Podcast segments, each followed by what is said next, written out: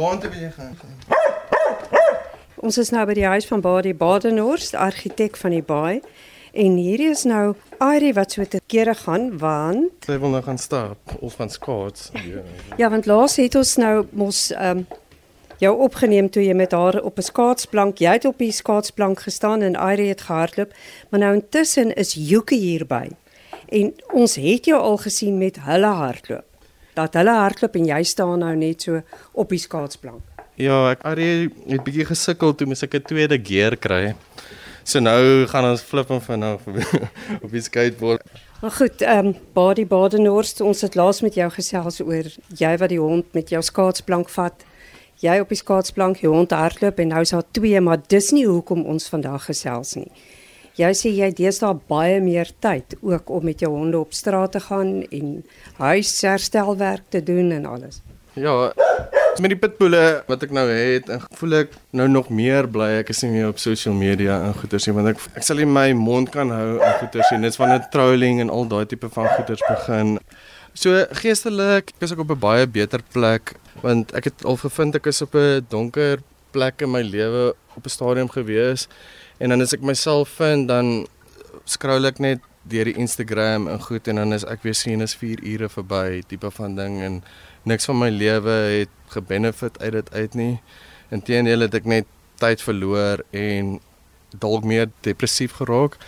Um, daarvan gepraat want as jy sê dit jou depressief gemaak, dis interessant want Instagram was eintlik jou virtuele CV, jou dagboek yes. waar jy idees gekry het. Ja, ek het fotografie geswaat voordat ek argitektuur gedoen het.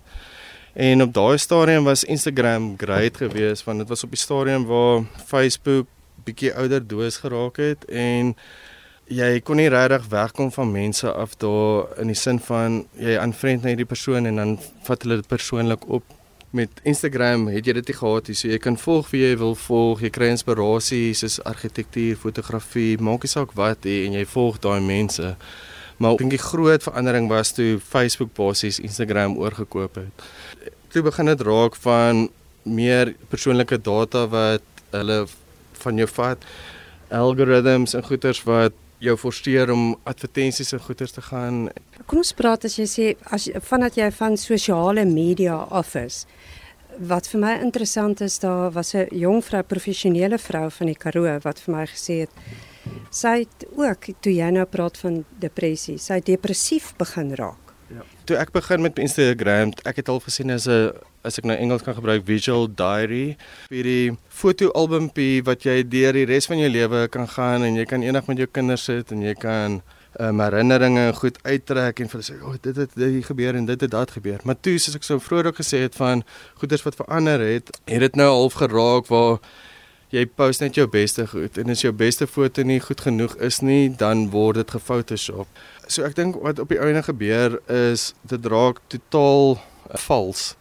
Nou kyk ek as iemand wat dalk nie op 'n goeie plek is en sien o, jy's hierdie persoon het dit en hierdie een is nou op 'n boot en hierdie een het vakansie en dit en goed. Nou is jy half in hierdie vals wêreld vasgevang en jy voel nie goed genoeg oor jouself nie.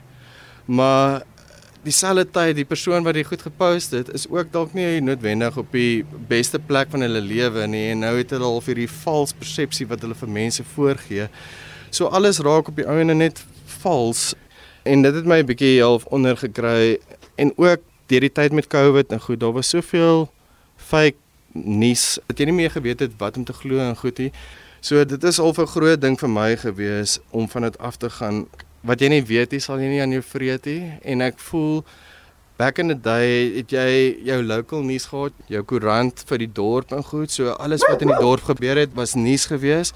En nou en dan as al groot wêreldnuus was, sien jy maar die prins van Engeland trou nou en goed dan weet hulle o, hy trou nou met prinses Diana en goed, maar dit is nou wêreldnuus.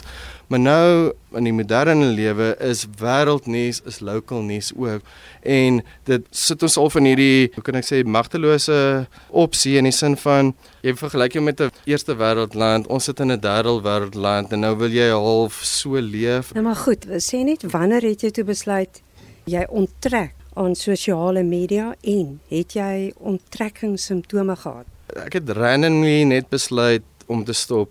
Maar wat ek vir myself gesê het, gaan nie daar aftel van okay, dis hoe lank want ek weet nie eers hoe lank ek al van social media af en ek dink dit is 'n groot voordeel in die sin van man nou dink jy, o oh, ja, ek het nou 7 dae, 12 dae wat ook al.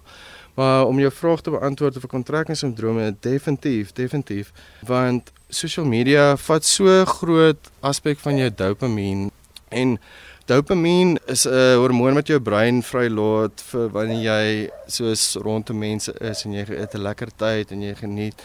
'n Goed voel hormoon en dit is die hormoon wat jou half die passie gee en half motiveer en half die go get attitude gee. En om my dopamien te reserve was 'n groot probleem geweest want nou voel jou lyf hy het hierdie aandag nodig. So ek dink dit is die groot ding wat mens al weer push om op te kom. Het jy al amper geswig daarvoor? Ek regtig hier, soos ek nou voel want die voordele wat ek uit dit uitgekry het om nie op te wees, is vir my soveel meer rewarding as om op te wees.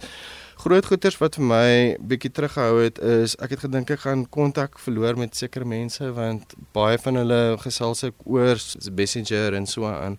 So baie oorseese vriende, maar dan kom ek net weer terug.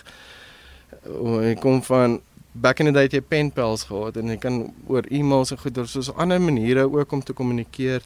En dan my ander probleem was ek het gedink omdat ek al van die creative industrie is, gaan want jy kry baie presidents en goeders op social media in die sin van in argitektuur, fotografie. My Instagram het ek basies gebruik as my Pinterest ook. Veral as ek sekere goed wil link met projekte waarmee ek besig is. So ek het gedink ook dit gaan my 'n bietjie terughou want ek het dit nodig vir my werk, maar dit is nou weer eens 'n tool wat my werk al so maklik gemaak het dat ek my kreatiwiteit al verloor het. Dis dan want ek design nou nie self, ek kyk nou 'n mooi prentjie en dan en implementeer ek dit net op die design. So dit het al my werk ook in 'n mate subconsciously beïnvloed die mense wat programme geskryf het is so slim en elke keer word dit geupdate en ons basies voed die program om beter te raak. En dan as jy kyk deur middel van AI's artificial intelligence die kos vir AI is social media en die veelheid werk wat AI eendag gaan oorvat is skrikwekkend. Soos ek is op my senuwees en ek het al vir my baas gesê oor 10 jaar of so gaan ons bietjie sukkel want ons gaan nou met compete teen 'n rekenaar. So as jy deur jou social media goed gaan en jy post, post, post en jy like die goeders, obviously is daar data wat gehawe word want alles is gelink op jou naam want jou Gmail is ingelaag en al daai inligting gebruik jy om in ander social media's en goed. So dit val als onder hierdie groot sambreel. Ons gesels met Body Barnhorst jong argitek van die baai wat besluit het dis Kubai met sosiale media. ja, ek dink die die regte lewe is baie beter as 'n onrealistiese lewe. Mense sal dalk nie noodwendig saamstem, maar ek wat nou geruime tydjie nou van dit af is en baie in dit in was. Soos ek het soos 3 Instagram pages gehad wat verskillende goed en verskillende interests en ek het dit heeltemal gelos die dopamien en die goeders wat jy nou half soek om half daai gelukkige uh, hormone in jou brein te kry en goed soek jy nou op ander goed. Jy kan gaan op hikes jy kry plante met die honde stap gaan oefen vriende sien amper al vir old school living weer leef back to basics. Okay like my sommer nou gestap want dan te gaan Irene ophou praat hier